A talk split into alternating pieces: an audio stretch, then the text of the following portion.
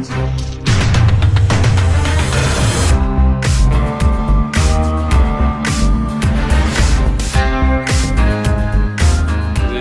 אה, קשה מאוד לצה"ל וקשה מאוד לפיקוד הדרום.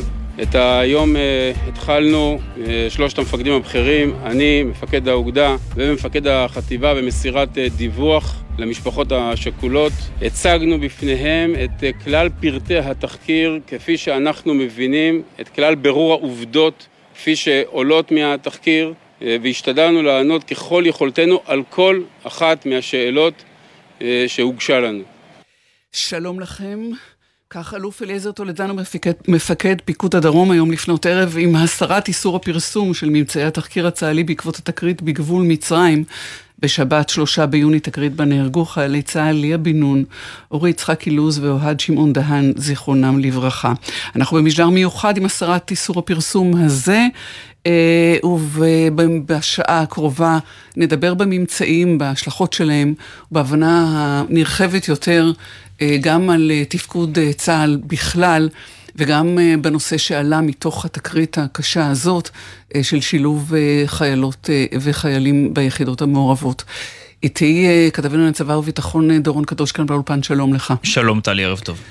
אז בידיך פרטי התחקיר הזה, אבל לפני הכל בוא נשמע דברים שאומר הרמטכ"ל היום בכנס בכנסת אה, לרגל אה, הצדעה לחיילי, אה, לכוחות המילואים דווקא, הנה הדברים שאומר שם הרמטכ"ל. לפני כעשרה ימים איבדנו לוחמת ושני לוחמים מהטובים ביותר שיש לנו בעת שהיו במשימת הגנה על גבולות המדינה. המפקדים פגשו הבוקר את משפחותיהם מתוך חובה עמוקה למשפחות השכולות ועדכנו אותם בפרטי התחקיר של האירוע הקשה שבו איבדו את היקר מכל. ערכנו תחקיר נוקב ומעמיק מתוך אחריות המפקדים לשמירה על הביטחון ועל חיי פקודיהם. לצד עשייה איכותית, יוזמה והצלחות מצאנו גם תקלות ופערים מבצעיים ופיקודיים, נלמד אותם, נתקן ונשתפר. זהו אירוע קשה שניתן וצריך היה למנוע, וזוהי אחריותנו כמפקדים, ושלי כמפקד הצבא בראש ובראשונה, להפיק לקחים ולהיות טובים יותר. להפיק לקחים אה, ולהיות טובים יותר, דורון קדוש אומר הרמטכ"ל אה, רב אלוף הרצי הלוי היום אה, בכנסת. אה, ממצאי התחקיר, אה, שורה תחתונה שלהם, ואז השאלה עד כמה הם משקפים את הכוונה המוצהרת הזאת להשתפר ולהיות טובים יותר. כן, אז קודם כל באמת אה, נתחיל מהשורה התחתונה. טלי, ממצאי התחקיר, או יותר נכון המסקנות האישיות שיש בתחקיר הזה, הן קודם כל להדיח את מפקד החטיבה המרחבית, חטיבת פארן, אלוף משנה עידו סעד, על האחריות הכוללת שלו לאירוע וגם על הכשלים המערכתיים שהתגלו בתחקיר הזה. אה, הרבה מאוד שנים שבצה"ל לא הודח מפקד חטיבה, קצין בדרגת אלוף משנה, והרמטכ"ל מקבל את ההחלטה הזו. אגב, הוא לא יודח מצה"ל באופן מוחלט, אלא יועבר. יועבר לתפקיד אחר. בנוסף, מפקד האוגדה, אוגדה 80, תת-אלוף איציק כהן, ינזף פיקודית. נזכיר שבעוד מספר חודשים הוא צפוי להתקדם ולעבור לפקד על האוגדה הסדירה הגדולה ביותר בצה"ל, אוגדה 162, ומפקד הגדוד, גדוד ברדלס, סגן אלוף איוון קון, גם ינזף וגם קידומו יעוכב בחמש שנים, כשכוכבית חשובה בעניין הזה, הוא משמש בסך הכל שנה כמפקד הגדוד, ממילא אין צפי שהוא יקודם במהלך שלוש השנים הקרובות, כי כך עובד מסלול הקידום של קצינים בצה"ל, ולכן כשצה"ל אומר אה, עיכוב קידום של חמש שנים, הוא מתכוון לעיכוב בפועל של שנתיים. ועכשיו אה, לדברים עצמם שעולים מן התחקיר, וצריך לנסות ולהבין איך, איך נעשה התחקיר הזה. לא ועדה חיצונית. אלא הצבא מתחקר את עצמו. נכון, הצבא מתחקר את עצמו, ומי שמוביל למעשה את התחקיר זה אלוף פיקוד הדרום, האלוף אליעזר טולדנו, לצידו גם מפקד אוגדה 80, שהוא בעצמו חלק ממסקנות האירוע, אה, אה, כמו שאמרנו, הוחלט לנזוף בו פיקודית, אז באמת אה, שניהם מובילים את התחקיר הזה במהלך הימים האחרונים, כשמבצעים את זה יחד עם גופים נוספים בצבא, עם חיל האוויר, שגם לא הייתה מעורבות מסוימת, עם האוגדה, עם כל הדרגים הפיקודיים, עם גורמי האיסוף הקרבי שהיו אחראים כמובן כמובן על הזיהוי של חדירת המחבל, ועם אה, השותפים המצריים, שזה לא פחות חשוב, אה, היו מפקד פיקוד הדרום וקצינים בכירים נוספים בצה"ל במצרים, וניהלו תחקיר משותף עם אה, צבא מצרים שם. בסיומו של התחקיר הזה מגלים שורה ארוכה של תקלות, של שגיאות, של כשלים, אנחנו נרשה לעצמנו לומר גם של מחדלים בפיגוע הזה בגבול מצרים. חלק מהאירועים היו כשלים מערכתיים ממש של האופן שבו צה"ל תופס את גבול מצרים ואת איך צריך לנהל את השמירה שם. בחלק אחר מהמקרים מדובר על השמירות והאופן שבו הוחלט להציב את הלוחמים בעמדות שלהם, שבחלק מהמקרים גם היו פקודות ממשיות של מפקד האוגדה איך לבצע את הדברים האלה, והפקודות האלה פשוט לא קוימו, ונגיד טלי על מה מדובר. מפקד האוגדה קבע שבשעות הלילה הלוחמים צריכים לשמור ברביעיות בעמדות אה, שעל הגבול, ולא בצמדים. מפקד גדוד ברדלס לא מילא את הפקודה הזו שלו, והחליט בכל זאת להציב צמדים של לוחמים בעמדות לאורך הגבול, בחלק מהמקרים גם לוחמים יחידים. אז זה, זה מחייב רגע להתעכב על הדבר, עוד נדבר על כך עם uh, כמה מפקדים בכירים שתכף uh, נדבר איתם. Uh, הפקודה ממפקד האוגדה לא יורדת ישירות למג"ד, היא עוברת מן הסתם דרך המח"ט. או כך היא אמורה להיות. נכון. ואין פה שיקול דעת, לא צריך להיות שיקול דעת. לגמרי, יש פקודה ממפקד האוגדה, צריכים למלא אותה, היא חד משמעית, ומשום מה, מסיבות שלא ברורות, וזו דווקא אחת השאלות שלא קיבלנו עליהן תשובה היום מצה"ל, היא מדוע המג"ד מחליט לצפצף על ההנחיות של מפקד האוגדה שלו, ובכל זאת להציב את הלוחמים באופן הזה, כשנזכיר, טלי, שהלוחמים גם ביצעו משמרות של 12 שעות לסירוגין, גם זה דבר שהוא בניגוד לפקודות בצבא. טוענים המפקדים בצה"ל ששוחחו איתנו היום, שלא מפקד האוגדה ולא מפקד החטיבה ידעו על העניין הזה, כלומר הם לא ידעו על האופן שבו מתנהלות השמירות, זה דבר שהיה ברמתו ובדרגתו של מפקד הגדוד. נזכיר, יש סעיף עבירה בצה"ל שעליו שופטים קצינים בדין פלילי, שנקרא אי קיום הפקודות המחייבות בצבא. היה לפני מספר שנים קצין אחר, מג"ד אה, סיירת צנחנים, שנשפט והורשע בבית דין צבאי על העבירה הזו. במקרה הזה, ממה שאנחנו מבינים, אין מעורבות של גורמים פליליים, אלא הוחלט לפעול מול מפקד הגדוד אך ורק בהליך משמעתי פיקודי. כל הנושא של הליך אה, משמעתי פיקודי אל מול אה, דין אה, פלילי הוא, הוא, הוא נקודה מאוד רגישה ומאוד חשובה כשבכירי המפקדים שאנחנו מכירים במשך שנים עומדים על כך שההליך יהיה משמעתי, פיקודי. ולא פלילי. נכון, וכמו שאמרת, הוחלט גם בצה"ל שלא להקים צוות בדיקה חיצוני. למשל, אירוע הירי הדו-צדדי שהיה ביחידת אגוז אה, בשנה שעברה, כן הוקם צוות בדיקה בראשות קצין בדרגת אלוף במילואים, מחוץ לצבא. במקרה הזה אנחנו שאלנו את האלוף אליעזר טולדנו, מפקד פיקוד הדרום, מדוע זה לא קרה. הוא עמד על כך שנכון במקרה הזה היה שהמפקדים עצמם יהיו אלה שמתחקרים, ושנכון שצה"ל יתחקר את עצמו ללא מעורבות של גורמים חיצוניים. הוא לא התנצל על הדבר הזה וחשב שזה הדבר הראוי והנכון היה לעשות. עוד, כן. כן, כן, לא, תמשיך. אז עוד כמה אה, גילויים חדשים כן. בנוגע להשתלשלות האירועים, טלי. אז קודם כל, העובדה שהמחבל חדר לישראל דרך מעבר חירום, שהכוחות בגבול בכלל לא ידעו על קיומו, והיום מבינים בצה"ל כבר שמדובר היה בתקלה חמורה, שהלוחמים ששומרים בעמדה ממש כמה מטרים ספורים משם, לא יודעים בכלל על קיומו של אותו פתח, שהוא נקודת תורפה, אבל לעומת זאת, השוטר המצרי שחדר דרכו, כן הכיר, בדרך שעדיין לא ברורה לצבא איך, הכיר את אותו פתח. אה, אגב, זה משהו משהו שצה"ל דרש עליו הסברים מהצבא המצרי. איך יכול להיות ששוטר שלהם הכיר את הפתח הסודי הזה שהם ניסו לשמור עליו בסוד? האם מישהו בצבא מצרים גילה לו על כך כי הוא לא היה אמור לדעת עליו?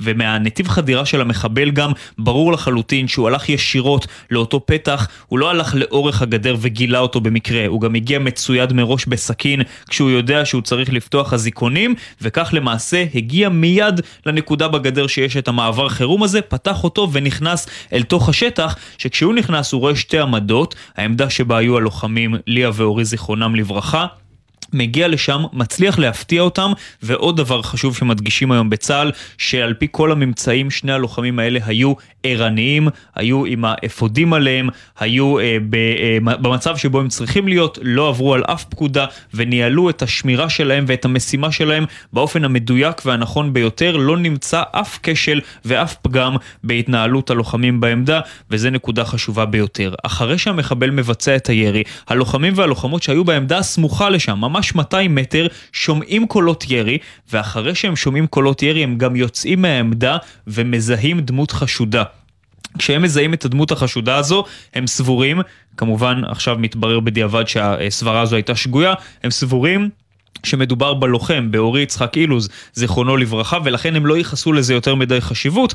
הם חשבו שהוא אה, מסתובב סמוך לעמדה שלו כפי שיכול לקרות, בדיעבד אנחנו מבינים שזה היה מחבל, והם לא דיווחו על כך וגם לא אה, לקחו את האירוע הזה ברצינות. אחרי זה, המחבל ממשיך, מתקדם שני קילומטר מזרחה משם, מצליח להתמקם באיזושהי עמדה, ואז מתחילים חילופי האש. צה"ל היום מאשר בתחקיר שלו את מה שאנחנו פרסמנו כאן כבר בשבוע שעבר, על הפיצול התמוה של מפקד החטיבה, אלוף משנה עידו סעד מהחפ"ק שלו. הוא שלח את הקשר שלו לכוח שהיה בקו הראשון עם המחבל, כדי להילחם ולנהל את חילופי האש, בזמן שהוא נמצא באותו זמן במקום אחר, מאחורה, במנותק מהקשר שלו, מה שלא אמור לקרות בדרך כלל באירועים מהסוג הזה. אה, גם את זה צה"ל אישר היום בתחקיר שלו, וזה אחד הכשלים שנמצאו בהתנהלות של הכוחות באירוע הזה. אנחנו אה, נרצה בהמשך, ככל שנספיק אה, ונצליח, וככל שיש לנו יכולת באמת להעריך עד הסוף עד כמה אה, שורת הכשלים אה, האלה, אל מול גם התפקוד היפה של לוחמים ש... אה, והלוחמת שמודגשים פה, הם איזושהי קפסולה של, של התנהלות צה"לית, אולי של כשלים או, או נקודות תורפה שנכון לשים אליהם לב. ושהאירוע הקשה הזה הוא הזדמנות אה, לנער ו, אה, ולחזק. אבל אנחנו נגיע לזה בהמשך, אתה פה נשאר איתנו באולפן. בהחלט. אה, ואנחנו אה, פונים אה, עכשיו אה, אל תת-אלוף במילואים חברת הכנסת אה, שרון ניר ישראל ביתנו, מי שהייתה יועצת הרמטכ"ל אה, לענייני אה, אה, נשים. שלום לך, תת-אלוף במילואים אה, שרון ניר. ערב טוב, טלי. לפני הכל, בואי נשמע. ליה, אורי, אוהד, זיכרונם לברכה, שלושתם, לוחמים ולוחמת, הם גיבורים שהגנו על מדינת ישראל בגבול סיני. אני לומד את אה, דמותם ואני לומד אודותיהם מהחברים, מהמפקדים, מהמשפחות, דמותם זורחת, דמותם מאירה. שלושתם אוהבים את הגדוד אהבה עזה, את הגדוד ואת החטיבה, אוהבים את המשימה ומדברים אודותיה. שלושתם היו מיועדים למשימות פיקוד בגדוד ובחטיבה. אז אה, איתך, אה, אה, תת-אלוף במילואים, חברת הכנסת שרון ניר, נדבר על השלושה האלה, על אורם שזרח, על תפקידי הפיקוד שנועדו להם, ועל הדהוד של אי נחת עד, על גבול גסות הרוח, אם לא עמוק בתוך גסות הרוח, של המתייחסים אל השירות המשותף. ראשית, אה, טלי, תרשי לי מכאן אה, להעביר את תנחומיי שוב למשפחות השכולות של החיילים הלוחמים אה, והלוחמת הגיבורים האלה. כפי ששמענו כרגע מאלוף פיקוד דרום, מצמרר לשמוע אבל אה, חשוב באמת לומר את הדברים בצורה הכי ישירה. מדובר בלוחמים גיבורים שהתנדבו את מיטב שנותיהם, את שנותיהם מתוך אהבה באמת כנה, וצריך להגיד ציונות, פטריוטיות, במובן הכי ישיר שיכול להיות. ובאמת יהי זכרם ברוך מכאן. אה, אני רוצה מכאן לעבור לזה שמדובר באמת באירוע מבצעי עם תוצאות אה, קשות אה, מנשוא, שבקצה שלו יש שלושה לוחמים הרוגים, ומה שהכי חשוב זה שבאמת בוצע תחקיר כרגע, תחקיר מבצעי נוקב ובזמן יחסית קצר, כשאפשר באמת ממנו להפיק לקחים, ללמוד על מנת uh, למנוע הישנות uh, מקרים uh, דומים בעתיד. מדובר פה בכשלים מבצעיים, כפי ששמעתי איתך את הסקירה, אני פחות בקיאה בפרטים, אבל הצלחתי כמו השומעים להבין את הסקירה, ובאמת חשוב להפיק לקחים בהקשר הזה ולהתקדם הלאה. בהקשר של השירות המשותף, היית יוהל"נית ואנחנו דיברנו אז רבות. אה, ונשאת אה, על נס את השילוב, את השירות המשותף, את תפקידי הלוחמות לנשים, את היכולת שלהן אה, להפיק מעצמן את המקסימום ושהצבא יפיק מהן את המיטב. כן, טלי, נשים לוחמות משרתות בצה"ל כבר למעלה משני עשורים במגוון רחב של מערכים, באוויר, בים, בהגנת הגבולות, כפי ששמענו כרגע על הגדודים המעורבים, ברדלס נמנה על המערך הזה, תותחנים, פיקוד העורף ועוד. ויש כאן, צריך להגיד ביושר, יש כאן מפגש של פוטנציאל מאוד איכותי של נשים שמתנדבות עם צורך מבצעי של הצבא, וזה ביחד מייצר אה, סיפור הצלחה שבאמת אה, נשים תורמות תרומה מכרעת לצרכים של הצבא, לשדה הקרב, לאפקטיביות המבצעית. אה, והופכות את הצבא לצבא חזק יותר, צריך להגיד את זה הכי ישיר שיכול להיות, את יודעת, אה, רק אתמול אה, הוצג לנו במסגרת ועדת חוץ וביטחון שאני חברה בה, קיבלנו סקירה רחבה מאגף כוח אדם על ההשתנות, על הגדילה המאוד גדולה ומרשימה של היקף הנשים ש, שמתנדבות ללחימה. היום 18% מתוך כל המערך הלוחם זה נשים, אלפים של נשים, באמת, אם היינו מדברות לפני שני עשורים, את יודעת, את ואני יודעות ש... ש, שאפשר באמת היה לספור אותם אה, בעשרות בודדות, והיום זה כבר אלפים, וזה הופך להיות אה, דבר אה, טבעי. באמת רק בחודש פברואר האחרון ראינו אירוע, אירוע בו שתי לוחמות מלוי הבקעה מחסלות חוליית מחבלים בעכבה ג'אבר בירחו, במקצועיות ובקור רוח. ומה שאני רוצה להעביר מכאן, בעקבות השבוע וחצי האחרונים הקשים, לי זה קשה, קשה מאוד, שחייבים להפסיק עם השיח המקטין והמיזוגני כלפי לוחמות. זה במקום באמת לעלות על נס, ואני מברכת את uh, מפקד uh, פיקוד דרום שהעלה על נס את הלוחמת ואת הלוחמים, כי זה מה שצריך לעשות כשמסתכלים באמת על uh, היקף פוטנציאל החיילים והחיילות שמשרתים כלוחמים בצה"ל, פשוט באמת להכיר ולהוקיר ולהעריך בצורה הכי כנה שיכולה להיות את השירות המשמעותי שלהם. אני מודה... נשים אגב זה לא באג בצבא, זה, זה פיצ'ר, זה פיצ'ר, זה צורך שפוגש פוטנציאל איכותי. זה, זה, זה, צריך כבר לשנות את זה, הקמפיין המכוער ש... אה, אה, אה, בחלק מהקבוצות בחלקים שונים בחברה הישראלית הוא קמפיין שצריך להוריד אותו מסדר היום. מספיק, זה באמת, יש פה באמת חבורה אדירה של נשים שתורמת בצורה בלתי רגילה לצה"ל, שאגב צה"ל כבר לא יכול להיות בלי ה-18% האלה, ואני בטוחה שהיות והצרכים שלנו המבצעיים והביטחוניים רק הולכים וגדלים, אם היה אפשר להקים עוד גדוד מהסוג הזה של ברדלס וקרקל היינו מקימים. כי, כי באמת אה, צריך אה, אה, חיילים וחיילות שיגנו על הגבולות. ולהגיד דברים שמקטינים זה, זה לא ראוי. זה, זה, זה, זה הרבה יותר מלא ראוי, זה, זה בזוי, אבל את יודעת, בדיוק רציתי לומר שיש לי איזו אי נוחות בכלל לדבר איתך על משהו בעינינו ולתפיסתנו מובן מאליו.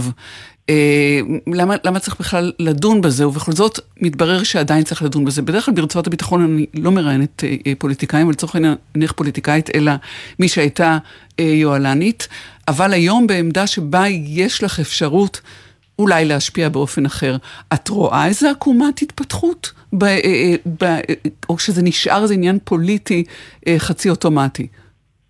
תראי, זה עניין, זה, לצערי זה עדיין נמצא באזורים פוליטיים.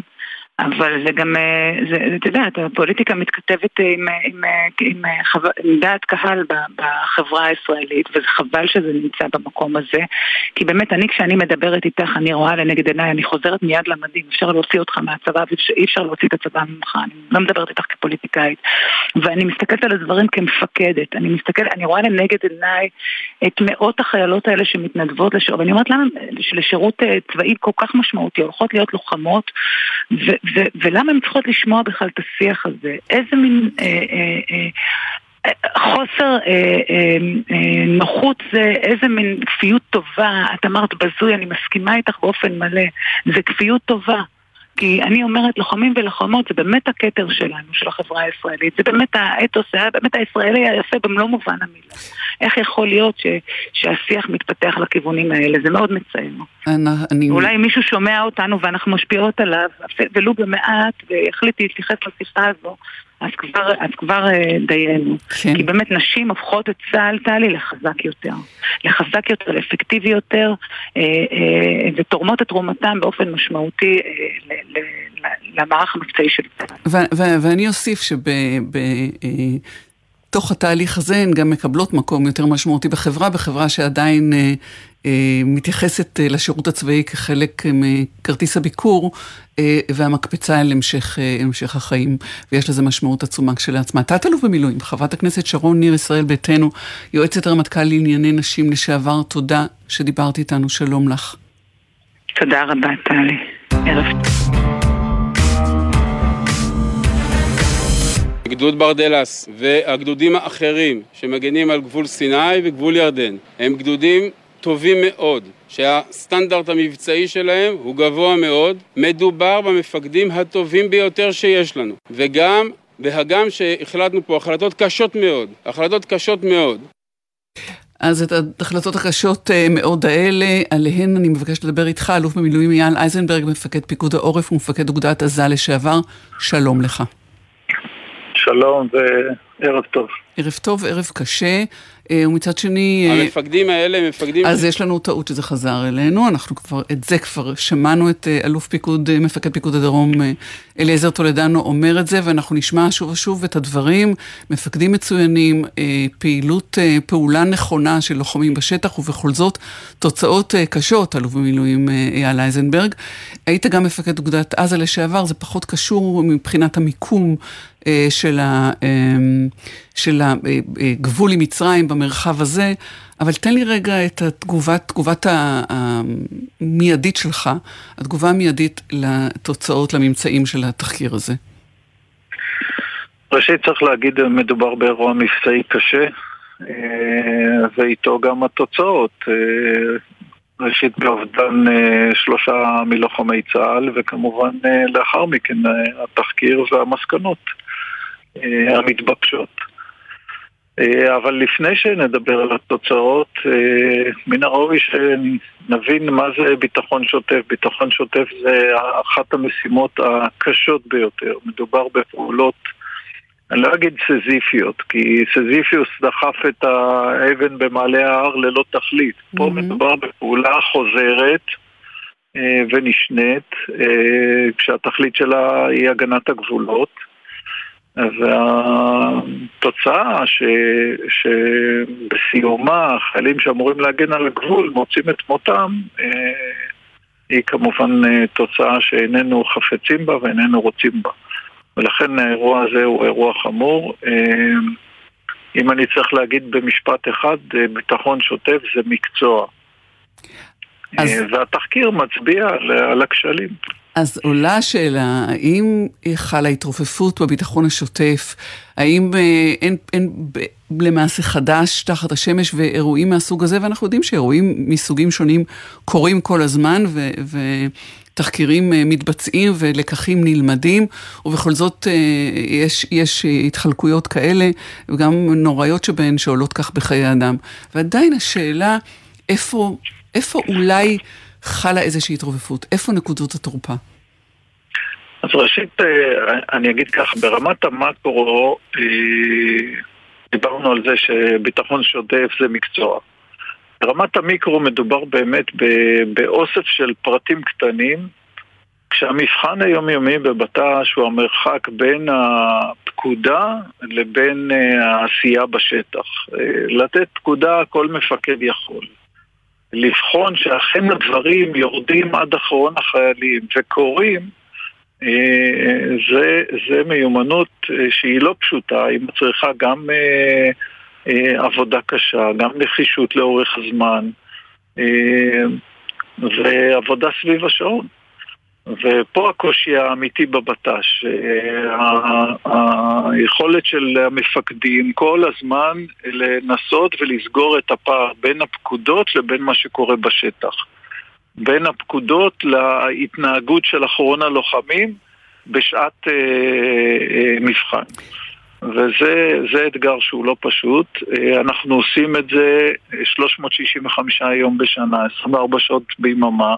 ומטבע הדברים אה, האירועים אה, כאלה קורים, הם לא צריכים לקרות, וזה בדיוק העניין שהתחקיר מצביע עליו.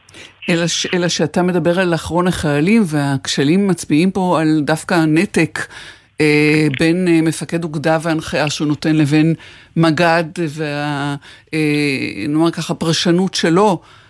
או שיקול הדעת שהוא מפעיל בהחלטה לגבי מרכיבי המשמרת, אם יהיו שניים או ארבעה, או לפעמים אפילו רק אחד, למשל. וזה כבר, זה כבר, זאת ליגה אחרת של, של, של כשל. אז, אז אמרתי, כמו שציינתי קודם, המבחן הוא ב, ב, בפערים שנוצרים בין uh, הפקודה לבין המציאות בשטח. אבל המציאות בשטח לא החייל בקצה, אלא, אלא שני דרגים למטה. נכון, זה בסוף מגיע עד החייל בקצה, וזה נגמר באירוע מהסוג הזה. החייל היה בסדר, פה, פה זה לא בעיה של חייל. שוטף, ביטחון שוטף זה מתחיל מ... אם אני אקח את זה מעולם הכדורגל, זה מתחיל מההנחיות אה, אה, שנותן המאמן, אבל בסוף יש את אותו אחד שמגיע עכשיו לנקודת הפנדל, לבעוט אותה. נקודת העונשין, מה שנקרא, ואחרי זה הוא גם צריך לרוץ ו- ולהיות זה שעומד בשער אה, ועוצר את הכדור. אה, זה בדיוק אותו דבר, זה בסוף צריך להיות החייל שאחרי זה צריך גם לעמוד ולהתמודד מול אותו מחבל שעכשיו אה, מנסה לחדור. הוא לא מקבל את התנאים להתמודד עם הדרגים שמעליו, במקרה זה מג"ד, אה, לא ממלא את הנחיות אה, מפקד האוגדה, נותן לזה פרשנות משלו, ואני לא, אני לא, אני לא רוצה להיות אישית, אני לא מכירה את הפרטים של הדבר, אלא רק מה שאנחנו למדים מממצאי התחקיר, וגם מן העונש, אפשר לדבר על, אה, על, על, על עוצמת המחיר, נניח, ש, שמשלם מישהו החוליה הזאת בדרך. זאת אומרת, הנקודה היא לא הלוחם, להפך, הלוחמים מצוינים לשבח. אלה הדרגים לא, לא, שביניהם. לא, לא, חס וחלילה. אני, אין בליבי מילה על הלוחמים, ואני חושב שגם התחקיר אה, אה, נוקט באותם, אה, באותה עמדה. הוא מציין לשבח את הלוחמים. יחד עם זאת, בדרגי הפיקוד השונים יש כשלים, וציינת, אם זה המג"ד שעשה דין לעצמו ופרשנויות כאלה ואחרות בהפעלת הכוח, ואם זה מערכת הבקרה ברמת החטיבה וברמת האוגדה, ולכן גם uh, מפקד החטיבה וגם מפקד האוגדה נמצאים uh, תחת אותה מטריה, אחד יסיים את תפקידו והשני גם ינזף. כן, אבל עיכוב, עיכוב בדרגה, עיכוב בקידום לשש שנים, בעודו נשאר בתפקידו, אני אשאל פה שאלה שנוגעת אה, לאמון ולסמכות. הוא נשאר בתפקיד, אה, המג"ד, ושוב, זה ממש לא אישי, אני חשה איזה אי נוחות, אבל בכל זאת אשאל, הוא צריך להמשיך לפקד על, על, על החיילים, על, המפק, על, על דרגי, הדרגים, דרגי הפיקוד הנמוכים יותר, עם איזה סמכות בדיוק אחרי אה, מסקנה כזאת, או אחרי ממצא כזה? אה, נשאלת השאלה, האם גם מה משך התפקיד שנותר לו? שנה או קצת יותר לדעתי. כשנה. אוקיי, אני לא יודע, אני לא מצוי בפרטים. ואם וכאשר באמת אה, ברמת המג"ד מדובר בכשל מהותי, אז אני חושב שמן הראוי היה להפסיק לו תפקיד, אבל בסוף אה, אה, הדרגים השונים שקלו את זה והחליטו את מה שהחליטו. אני מעריך שזה נעשה בדעה צלולה, כן. ומתוך הבנה של מכלול דברים נוסף. אה, אם יורשה לי, אני אגיד ככה, תראו, האירועים מהסוג הזה בדרך כלל מתחלקים אה, אה, לשתי אפשרויות תחקיר. התחקיר אחד הוא תחקיר חיצוני, שנעשה על ידי גורם חיצוני. פה הוחלט לעשות תחקיר פנימי על ידי המפקדים, שאני מאוד מאמין בכלי הזה. ובסופו של דבר המפקדים עצמם גם מוצאים לנכון לנזוף בעצמם או לטפל בעצמם משמעתית ודרך זה גם ללמוד, אין מה לעשות, אנחנו עוסקים ב- בלמידה, לצערי למידה אה, לעיתים גם אה, דרך אה, חיי אדם כי בסוף אנחנו נמצאים אל מול מבחן אש יום יום שעה שעה אנחנו נסתפק אה, בדברים האלה, אלוף במילואים אה, אייל אייזנברג, אה, מפקד פיקוד העורף, מפקד אוגדת עזה לשעבר, אולי בכל זאת במשפט, האם אתה, האם אנחנו לתת כותרת השגרה היא האויב במקרה הזה? אנחנו לא סתם קוראים לזה שגרה בעין. השגרה היא מאוד... השגרה היא מאוד בעייתית ומאוד קשה. אה, בסזיפיות שבה, בצורך בהתמדה ובהיעדר אה, עיגול פינות לאורך זמן. ולצערי, שם אנחנו כושלים. אין ספק שהשגרה היא אויב לכל דבר. אלוף במילואים אייל אייזנברג, שוב, תודה לך על הדברים האלה, שלום לך. לא דבר. ושלום לערן דורון, ראש המועצה האזורית אה, רמת נגב. שלום טלי. אייל אייזנברג, אלוף במילואים אייל אייזנברג היה גם מפקד פיקוד העורף, ואיתך אנחנו מדברים, משל היית עורף. לצורך העניין, אתה נציגם של, ה, של יושבי האזור הזה, גם של מטיילים אה, מרובים בשטח, מיד אחרי התקרית גם ביטאת דאגה מהדברים שעלו מיד עם סיומה ולפני שידענו את ממצאי התחקיר הזה, לפני שידענו את פרטיו, אה, העובדה שבמשך שעות הסתובב אה, אדם אה, חמוש ובעצם סיכן את חייהם גם של אזרחים, לו היה זה מחבל שביקש לפגוע באזרחים, יכול להיות שהיה מהווה סכנה גדולה. אנחנו לפתחו של, פתחה של החופשה הגדולה ועונת הטיולים. מה אתה אומר לממצאים הללו? אחד, אני, זאת אני קראתי את הממצאים דרך התקשורת, אז אני לא יכול להגיד שאני בקיא בכל אה, פרטי התחקיר, אבל אה, הדברים הם די ברורים, אה, בטח, בטח לגבי הפערים והתקלות הגדולות שקרו שם. חטיבת פארן, יש לה סיסמה שאומרת, השקט מתעתע, השינוי מיידי והתוצאה קובעת. באמת במקרה הזה, ככה אנחנו מסתכלים על זה. זאת אומרת שה... המעבר בין אה, חירום לשגרה הוא קורה בשניות ואז באמת מה שקובע זה התוצאה ובמקרה הזה התוצאה הייתה חמורה מאוד. אבל צריך גם להסתכל על, על משהו אחר וזה לגבי איך, איך צה"ל תופס את הפריסה שלו במרחב הזה. ובתקופתו של אייל זמיר כאלוף אה, פיקוד אה, דרום פיקוד דרום בעצם ריכז כוחות הגנה סביב יישובי האזור שלי שסמוכים לגדר הגבול במצרים ודילל את הכוחות באזורים הפחות מאוכלסים ולכן, אני לא יודע אם זו הייתה הסיבה שהשוטר, המחבל המצרי, חצה באזור הר חריף, אבל העובדה שהוא חצה בהר חריף, למרות כל התקלות הבאמת חמורות שהיו, לנו כתושבים זה היה אירוע שהוא היה מחוץ למרחב שלנו והיה נדרש למחבל בערך שלוש או ארבע שעות הליכה כדי להגיע לאחד היישובים שלנו. עכשיו, זה לא אה, מרגיע אותי, שלא תתבלבלי, mm-hmm. זה לא. מרגיע אותי, mm-hmm. אבל אני אה, חושב שכתפיסה שבאזורים מאוכלסים צריך לרכז כוחות, וזה מה שצה"ל עשה, הוא גם מביא את הגדודים המעורבים, הוא גם הקים יחידת לוט"ר, אה, שרובה אגב מורכבת ממתנדבים תושבי האזור, אה, פלוגת טנקים ועוד אמצעים גם אה, טכנולוגיים וגם אמצעים מאוישים. זאת אומרת שכתפיסה אני חושב שהיא נכונה.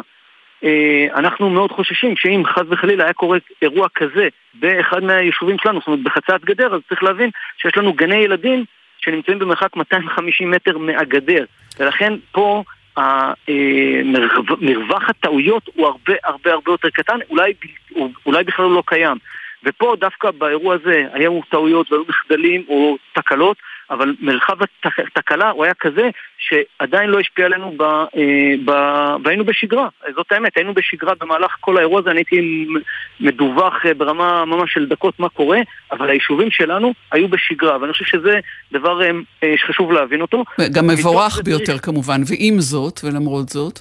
ועם, ועם זאת, אה, ברור שמאחר והתגלו פערים די חמורים, אז צריך לבדוק מחדש את כל היערכות אה, צה"ל סביב יישובי המועצה באזור גבול מצרים, אבל ובאותה נשימה גם ממשלת ישראל, ממשלות ישראל יש לומר, צריכים להבין שהחלק המרכזי שצריך עוד לעשות זה לחזק את ההתיישבות ולא רק אה, אה, שהצבא יעשה את מלאכתו כי צריך להבין, יש פה אירוע שהוא רב-ממדים, הוא גם בגבול של שלום עם מבריחים ועם דאעש, גם פשיעה חקלאית מאוד מאוד כבדה על החקלאים שלנו, זאת אומרת הפח"ע והפלילי כל הזמן נפגשים והממשקים ביניהם מטשטשים כמעט מדי לילה והדרך היחידה שיכולה בעצם להתמודד עם זה מעבר לצבא ולמשטרת ישראל שאנחנו אה, מייחלים ליום שהמשילות תחזור, זה לחזק את ההתיישבות. איך מחזקים? מביאים עוד תושבים. כן. מה צריכים? צריכים מגורים, צריכים תעסוקה, צריכים חינוך, כל הדברים האלה, ועל הדבר הזה פחות לצערי מדברים, ואני חושב שזה המקום לה, לה, לה, להגיד את זה. להגיד, הממשלה צריכה לחזק את ההתיישבות באזור פתחת ניצנה. אז הנה אנחנו אומרים את זה, רק שלשיטתך, מרגע שיהיה עיבוי התיישבות, יידרש עיבוי... אה, אה, אה, כוחות ביטחון שם. אמצעים. ואמצעים, גם באנשים בוודאי. וגם באמצעים. נכון, אבל אני, אחד זה נכון, וזה טוב שכך, כי בסוף איפה שיש אנשים, אה, מטבע הדברים ישימו יותר כוחות, איפה שיש אנשים יהיה גם שירותים אה, רפואה ושירותים אה, נוספים ואמצע, ומרכיבי הביטחון ואמצעי הביטחון שיופנו לטובת האבטחה של האזור הזה יהיו כנראה יותר גדולים. ובאוגדה 80 תמיד אומרים, אנחנו עושים הכי טוב שיש עם מה שיש וצריך להבין שהם נמצאים באמצעים חסרים, כמובן אל מול החזיתות הנוספות שיש, אם זה עוטף עזה ואם זה גבול הלבנון. כן, יש, יש אה, הרבה על הצלחת של אה, מי שצריכים אה, להקצות את המשאבים המוגבלים במידה רבה. עוד שאלה, רק לפני שניפרד, היא חוזרת למה שאמרתי בתחילה, אנחנו לפתחה של תקופת טיולים. מה אתה אומר לציבור שרוצה, למרות החום הצפוי? אז בהר הנגב, בהר הנגב, המזג אוויר... כן. אני יכול להגיד לך, טלי, שבהר הנגב יותר נעים עכשיו חד משמעי מאשר ברחוב יהודה עמית אה, של גלי צה"ל. זה לא חוכמה. נעים, אין לחוץ, אין לה, נכון, זה לא חוכמה. עכשיו לגבי הטיילות, וכן אני רוצה לחבר את זה. תראי, אנחנו אה, אה, כמובן רוצים לחזק את התיירות ואת הטיילות, וזה חוזר עוד פעם לעניין הזה, שתהיה תיירות, יהיה יותר אבטחה. תהיה תיירות, יהיה יותר אה, שיטור. יהיה אה, תנועת מטיילים, הצבא יעשה את מה שהוא צריך, ועשינו זאת. פתחנו בשיתוף פעולה אה, הדוק, אני חייב לשבח את אה, מפקד הפיקוד, את אה, אליעזר טולדנו, שממש רוצה שתהיה תנועת אזרחים על, על הכבישים, וזו הייתה באמת דרישה שלנו כבר לפני שש שנים. אממה, היום כביש 171 זה כביש שמחבר את בד 1 לכביש 10, בעצם לכביש הגבול, נסגר מטעמי בטיחות. וכשאנחנו פנינו למדינה אמרנו, קחו אחריות, כי באמת אנחנו רוצים שיהיו מטיילים, אבל יותר מזה, כוחות צה"ל שמאבטחים את הגבול נוסעים על הכביש הזה. אה, לצערי, תשובת אה, משרד התחבורה הייתה שהכביש הזה משרת רק את כוחות הביטחון, ולכן הם לא מוצאים סיבה להשקיע בו. אני מודה שזו אחת התשובות המקוממות שאני אה, שמעתי, שנותנים לחיילי צה"ל או למטיילים לנסוע בכבישים לא בטוחים, אבל בזמן שהם נלחמים על הגבול אז הם כמובן החיילים של כולנו. ולכן אני מצפה גם ממשרד התחבורה להיכנס ולהבין שהאירוע הזה שנקרא הנגב הרחוק, הר הנגב, הוא לא מחוץ לגבולות מדינת ישראל, הוא בתוך מדינת ישראל, והם צריכים להשקיע כמו אה, שצה"ל עושה באמת את מה שהוא עושה על הגדר. ערן דורון, ראש המועצה האזורית רמת נגב, תודה שדיברת איתנו, ימים, ימים בטוחים וקרירים אה, ונעימים שיהיו לנו. שלום לך.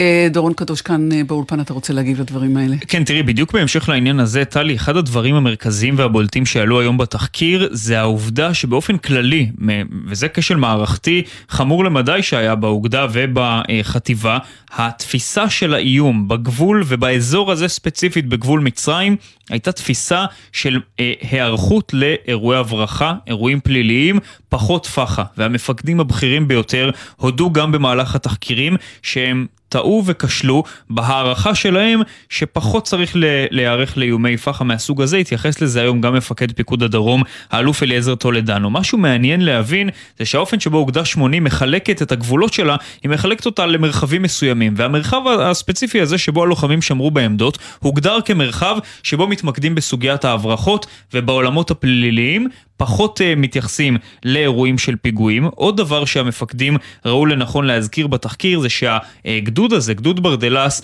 הוטל עליו לשמור על גזרה שהאורך שלה זה 75 קילומטר לאורך גבול מצרים. לצורך ההשוואה זה אורך ארוך יותר מהגבול עם רצועת עזה כולו. כשברצועת עזה יש ארבעה גדודים ששומרים באזור הזה, ולכן היה כאן אין ספק מרכיב גם של חוסר בסדר כוחות, וזו בעיה ידועה כבר שנים בגבולות מצרים וירדן, זה אולי גם ההסבר ללמה הטילו על הלוחמים משמרות כאלה בלתי אפשריות של 12 שעות, ולהיות שם בצמדים בלבד במקום בקבוצות גדולות יותר, למשל של רביעיות. יש גם מרכיבים נוספים שתרמו לשאננות הזאת. למשל העובדה שאיום הפח העיקרי שתופסים בגבול מצרים זה מצד מחוז דאעש, מחוז סיני, סליחה, של דאעש. בחצי שנה האחרונה דאעש לא ביצע פיגועים נגד הצבא המצרי בכלל, וזו אחת הסיבות שהכניסו גם את צה"ל להבנה שאולי דאעש כרגע לא כל כך פועל, יותר אדום ואולי מתארגן לפעולה אחרת בעתיד. ובנוסף לזה, וזה עניין אחרון, הייתה באותו לילה, כמו שאנחנו יודעים, הברחה שכבר טופלה וכבר סוכלה, והמפקדים מודים שאחרי אותה, אותו סיכול הברחה מוצלח, הייתה איזושהי ירידת מתח שיכול להיות שגם היא הובילה לשאננות. כן, תודה לך. המפקדים האלה הם מפקדים שמתמסרים למשימה, מתמסרים לתפקידם, הם ובני משפחותיהם. הם ובני משפחותיהם. שלום לך, אלוף במילואים גיא צור, לשעבר מפקד זרוע היבשה. שלום וברכה. אז עוד, עוד קטע מדברים שאמר האלוף אה, אליעזר טולדנו היום, הם ובני משפחותיהם. אמ, המשימות, ההתמסרות והרצון למקד חלק גדול מהדברים היום גם בנקודות האור ולא רק אה, בכשלים. אה, התזכורת אה, לחיים של המפקדים, אתה אחד מהם היית אחד מהם, פיקדת על רבים מהם. מה עושה אירוע כזה ומה עושה תחקיר כזה, איזה טלטלה למפקדים ולמשפחותיהם? תראי, קודם כל אה, זה אירוע עצוב וכשלנו בתוצאה, אה, אין אה, ספק, ואנחנו היינו רוצים שהאירועים האלה לא יקרו. וכשהם קורים, אם לומדים טוב ונכון את הדברים, אז גם יודעים לשפר.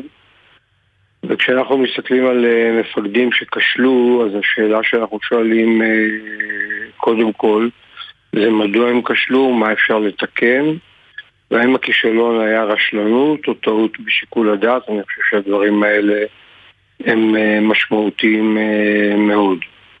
הרושם שלי מהאירוע הזה, עד כמה שאני קורא ושומע, בעיקר מהתקשורת, זה תחקיר, עוד לא הספקתי לשמוע הרבה יותר, אה, הוא שכמו בהרבה אירועי שגרה, הקושי הוא באמת טמון ב-state of mind. זה כמו המצבים שבהם אנחנו תמיד מתכוננים למלחמה הקודמת.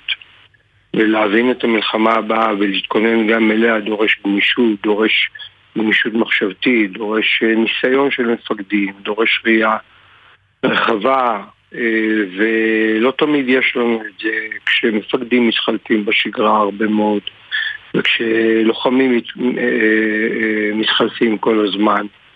והניסיון הזה חסר, והתוצאה שלו הוא שהרבה פעמים מתמקדים באיום אחד, פחות באיומים אחרים, ואז מופתעים מהאיומים האלה. כמובן שאירוע כזה הוא אירוע מטלטל ליחידה, הוא אירוע מטלטל למשפחה של המפקדים. אני מתרשם אה, ממה שאני שומע, אני מכיר את חלק מהמפקדים, אבל אני לא בדיוק יודע את הפרטים במקרה הזה. אני מתרשם שזה לא היה התרשלות של מפקדים, אלא יותר שיקול דעת אה, שנוגע בניתוח של סיכונים וסיכונים, של משאבים אה, לאן וכן הלאה, והתוצאה היא תוצאה לא טובה. וגם של אה, הנחיות אה, שלא מחלחלות אה, למטה, כמו מפקד אוגדה שנותן הנחיה שישמרו ברביעיות, ומפקד אה, הגדוד אה, מחליט אה, אה, להציב שם צמד. אה, ומפעיל את אה, שיקול הדעת שלו. ואני שואלת, אה, עד כמה אפשר שהתמונה הזאת היא תמונת צבא גדול, מרובה משימות ותעדוף שמתחייב, ואולי אולי סוג של ניעור, שלפעמים הוא עולה, במקרה הזה עולה במחיר מאוד יקר, אבל שנדרש. כן, תראי, אחד הדברים המעניינים שעשיתי כמפקד, כמפקד אוגדה אה, זה שבאירוע מסוים אה, נתתי פקודות והלכתי לבדוק אה, למטה מתי הם התקבלו ואיך הם התקבלו. והפער הוא פער גדול. הפער, הפיקוד הבלתי אמצעי הזה הוא פער גדול. שמפקדים לפעמים אה, בצדק ולפעמים אה, בצורה שחורגת מהגבולות שנדרשים, עושים את שיקול הדעת לא במימוש הפקודה, אלא בפירוש שהם, ש, ש, אה, שהם נותנים לה, בפירוש הנקי שהם נותנים לה, מכיוון שבסוף לכל מפקד יש הרבה מאוד פקודות, יש הרבה מאוד משימות ואין אין, אין דרך אלא לתעדף. ולכן אנחנו צבא שיהיה כל הזמן בעודף משימות, אה, האתגרים הם אה, רבים, עודף המשימות כרוך גם בחוסר של משאבים, וזה מצב נתון שאיתו אנחנו צריכים להתמודד. ולכן אנחנו צריכים, תחת הנחות אלה, לגדל את המפקדים הטובים ביותר, שיהיו מספיק עצמאיים לקבל החלטות והחלטות נכונות. וכשהם טועים אז אנחנו צריכים לראות שהם טעו מתוך אה, טעות ולא מתוך דברים אחרים. ו- ותחת ההנחות האלה אנחנו צריכים לטייב ככל שאנחנו יכולים את הפער שתמיד קיים בין הפוקד וכוונתו לבין, לבין מה שקורה בשטח. זה אתגר לא פשוט, זה אתגר יומיומי, בעיקר בשגרה.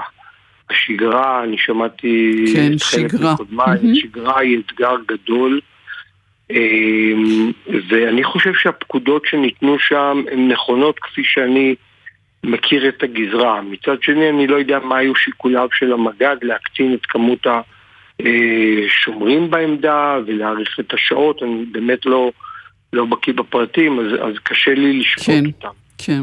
טוב, אנחנו יודעים רק את ה... שנדרשים להחלטות אה, מורכבות.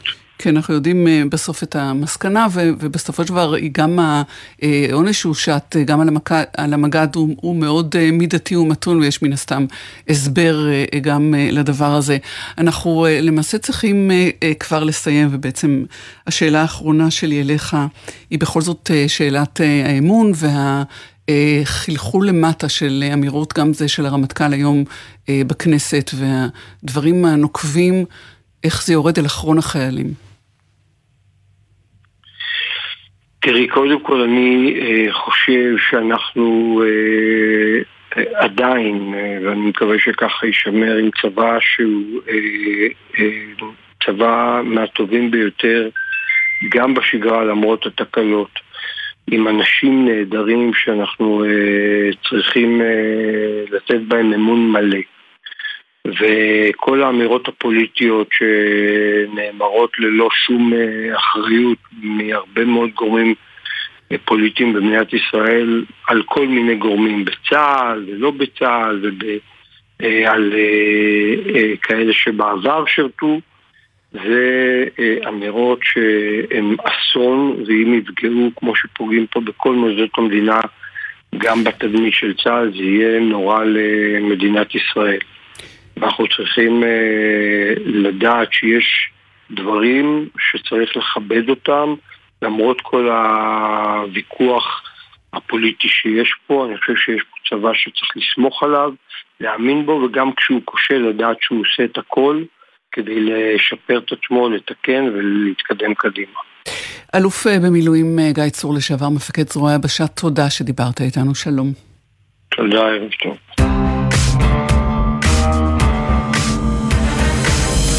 כמפקדים, חובתנו לספק לפקודינו את התנאים להצליח במשימה. הלוחמים והלוחמת שנפלו פעלו ללא דופי. לוחמות ולוחמי צה"ל השומרים בגבולות פועלים מסביב לשעון לסיכול חדירות בגבול, לסיכול טרור והברחות ולשמירה על גבולות בטוחים. אנו גאים בעשייתם המקצועית והחשובה, לוחמות ולוחמים יחד. וזה זה אקורד הסיום אה, והשיחה המסכמת של השעה המיוחדת הזאת שלנו איתך, דוקטור עידית אה, שפרן גיטלמן, חוקרת בכירה במכון למחקרי ביטחון לאומי, שלום לך. ערב טוב. כי הדברים שאומר הרמטכ"ל הם חד משמעיים, גאה בלוחמת ובלוחמים. ואנחנו חוזר, חוזרות אל מה שדיברתי בו קודם גם עם תת-אלוף במילואים, חברת הכנסת שרון ניר, השירות המשותף, השילוב של נשים והגב שניתן ללוחמות וללוחמים בשטח.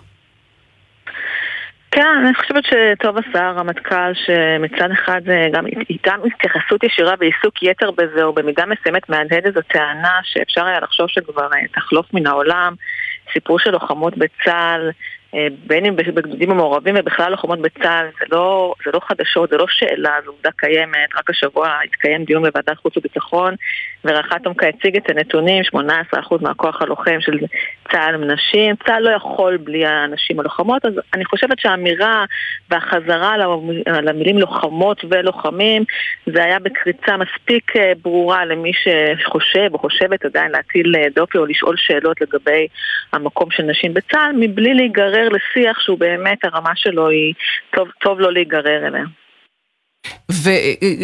והאירוע הזה הוא, הוא העלה מחדש את מה שחשבנו שהוא כבר אולי פתור ומובן מאליו. אה, אם אנחנו מנסות אה, למצוא נקודת אור בתוך האירוע הכואב הזה, אה, הוא באמת בחד משמעיות הזאת. כן, תראה, אני חושבת, קודם כל אני רוצה להגיד משהו, אני חושבת שהסיפור של הלוחמות, זה לא, הוא לא, הוא לא היה החשוד המיידי. יש אה, מין אה, מנהג כזה, יש אה, דינמיקה כזאת שכל פעם שקורה אירוע כזה, יש אנשים מסוימים או גורמים מסוימים שמחפשים איפה לנגח את הצבא ולהאשים אותו בחולשה ובכניעה לאיזה אג'נדות פרוגרסיביות. החשודה, החשודות העיקריות המיידיות הן בדרך כלל הוראות הפתיחה באש, וגם פה זה עלה בתור הטענה הראשונה. ברגע שהובן שהיא אי אפשר ללכת לשם, אז הלכו לסיפור הלוחמות.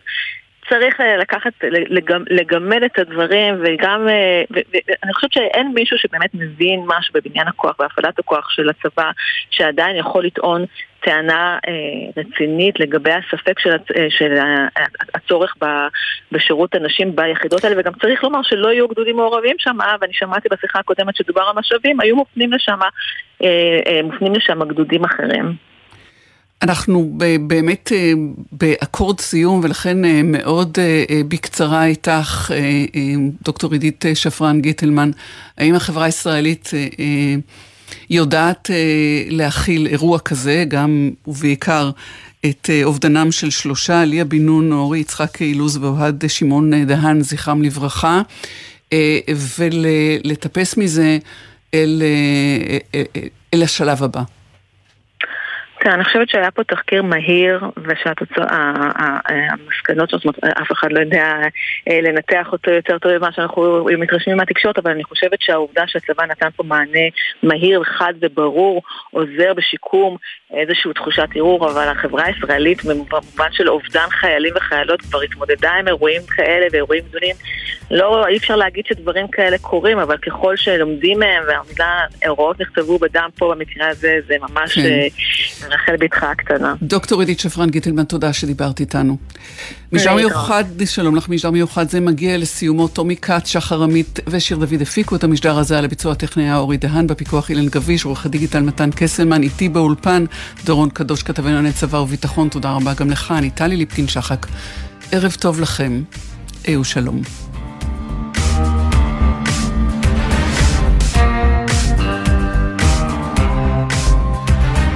בחסות אוטודיפו, המציעה מצברים לרכב עד השעה תשע בערב בסניפי הרשת, כולל התקנה חינם.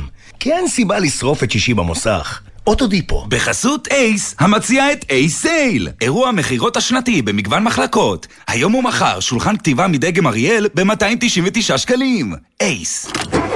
מה נשמע, נשמע, סוף השבוע,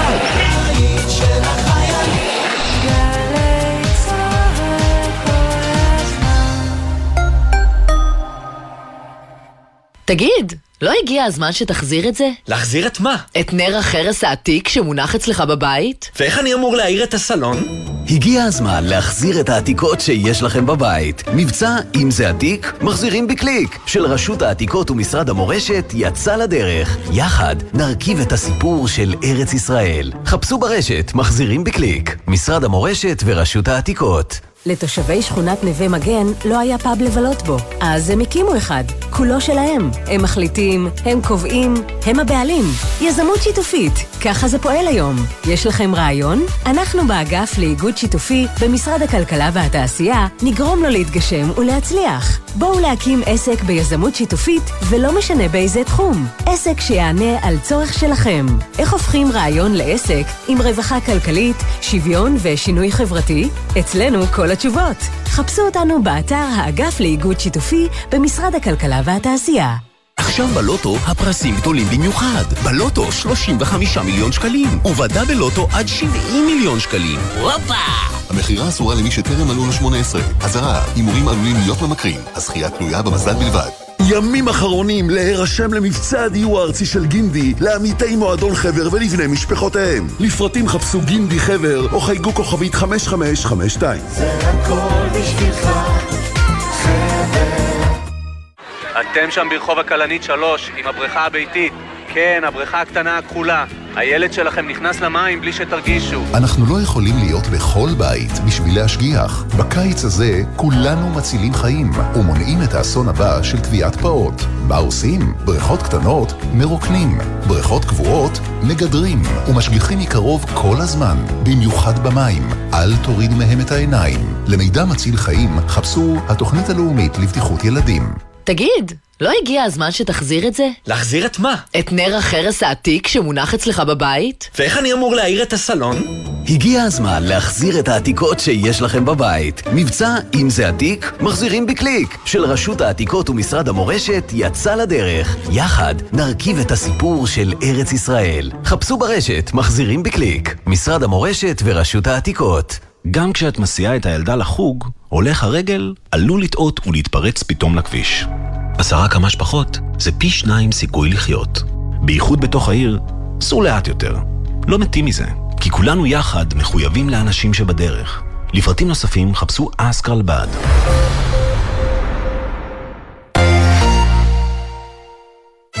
גלי צה"ל מציינת את שבוע הספר בשידורים חגיגיים. מחר, בשבע בערב, ציפי גונגרוס במשדר מיוחד לפתיחת אירועי שבוע הספר וניידת השידור במתחם התחנה בבירה. ובשבוע הבא, בכל ערב בשבע, תוכנית מיוחדת ממחוז אחר בעולם הספרות. חוגגים את שבוע הספר בגלי צה"ל. אתם מאזינים לגלי צה"ל.